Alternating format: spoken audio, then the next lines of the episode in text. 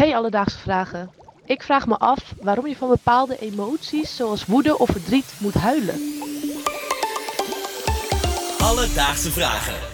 NPO Luister. Dankjewel Nienke voor je vraag.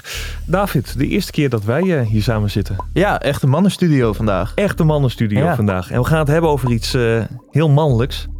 Huilen, emoties. Mooi. Dat is eigenlijk ook gewoon, gewoon mannelijk, hè? Ja, zeker. Een mannen anno 2023 huilen. Ja. Ben jij een emotioneel iemand? Eh, ja, ik denk het wel. Nou, ik huil niet heel vaak, maar af en toe kan ik zeker wel een traantje wegpinken. Ja. Ja. En jij? Ja, ik ben echt een, eh, een heel, ik ben echt een heel emotioneel Ik moet nu al bijna huilen. Ik ja. moet nu al bijna huilen van deze aflevering. Zo mooi wordt die. Ik weet ik zeg niet echt van wie ik het heb. Mijn ouders eh, heb ik niet vaak of snel zien huilen. Maar ja, ik zelf ik hoef maar een, een zielige film te zien en ik eh, zit alweer te janken. Dat is een mooie eigenschap, vind ik. Ja, nou, dat, daar ben ik blij om inderdaad. Ja, dat, dat zeggen wel meer mensen. Maar ik, ik, ik huil dus snel. Terug naar de vraag van Nienke. En om uit te zoeken waardoor het nu komt dat we door bepaalde emoties moeten huilen, belde ik met emeritus hoogleraar Ad Vingerhoets. Hij heeft heel veel onderzoek gedaan naar emoties en huilen. En hij heeft daardoor ook de bijnaam gekregen de huilprofessor. Dat is een hele mooie naam. Ja, leuk hè? Ja, heel leuk. Voordat we de vraag van Nienke beantwoorden, leek het me goed om even een stapje terug te doen. En eventjes naar dat huilen aan zich te kijken. Want ja, waarom doen we het eigenlijk? Want als je over nadenkt, is het eigenlijk best wel gek. Er loopt vocht uit je ogen, je praat met een bibberende stem. Ja, ik zou ook niet kunnen bedenken wa- wat het nou voor een zin heeft eigenlijk. Nee, nou ja, eh Ad wel en die vertelt het ons.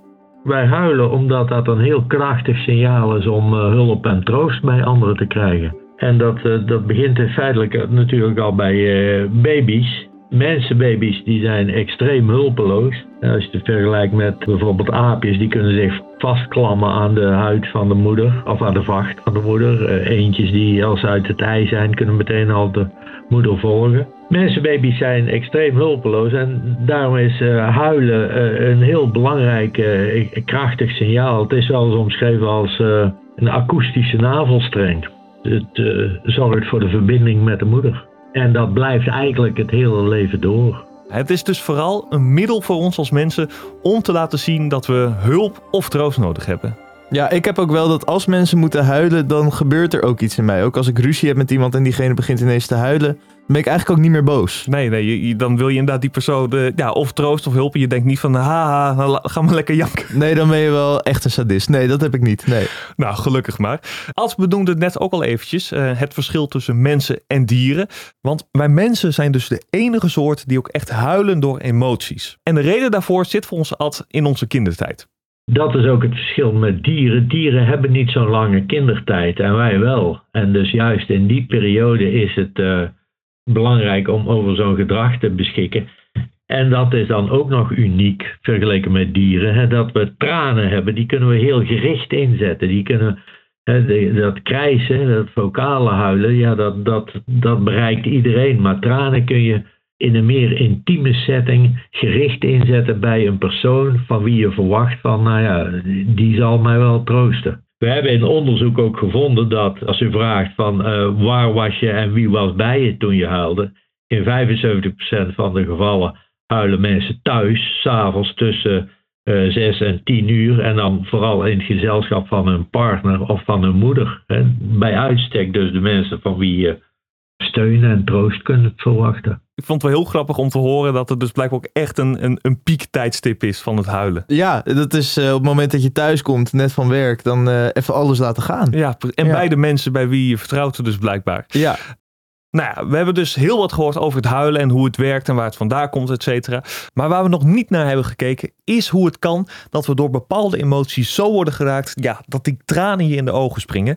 Ik heb het al voorgelegd en volgens hem zit het zo.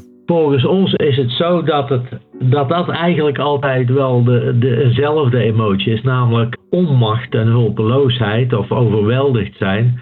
En die ervaring die kan soms, maar soms ook niet gekoppeld zijn aan andere emoties. Ja, verdriet is een emotie die relatief vaak samengaat met hulpeloosheid. Maar soms zie je ook, met name bij vrouwen, dat ze een machteloze woede ervaren.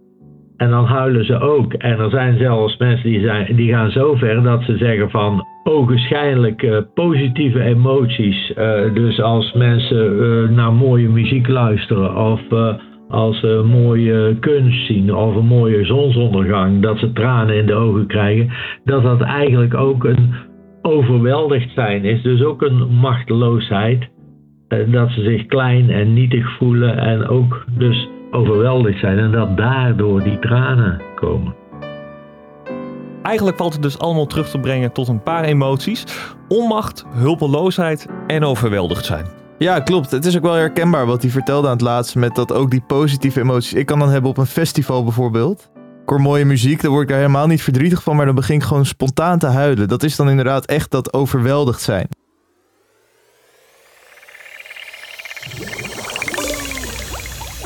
Dus Nienke, vandaag zochten we voor je uit waarom we van bepaalde emoties moeten huilen. En in de praktijk gaat het eigenlijk altijd om het ervaren van onmacht, hulpeloosheid of overweldigd zijn. En deze zijn te koppelen aan een aantal emoties zoals woede of verdriet, waardoor het huilen getriggerd kan worden. En dit kan bijvoorbeeld ook bij positieve emoties, zoals iets heel erg moois zien of zoals David een mooi stuk muziek horen, waardoor je overweldigd wordt en ja, een traantje wegpinkt.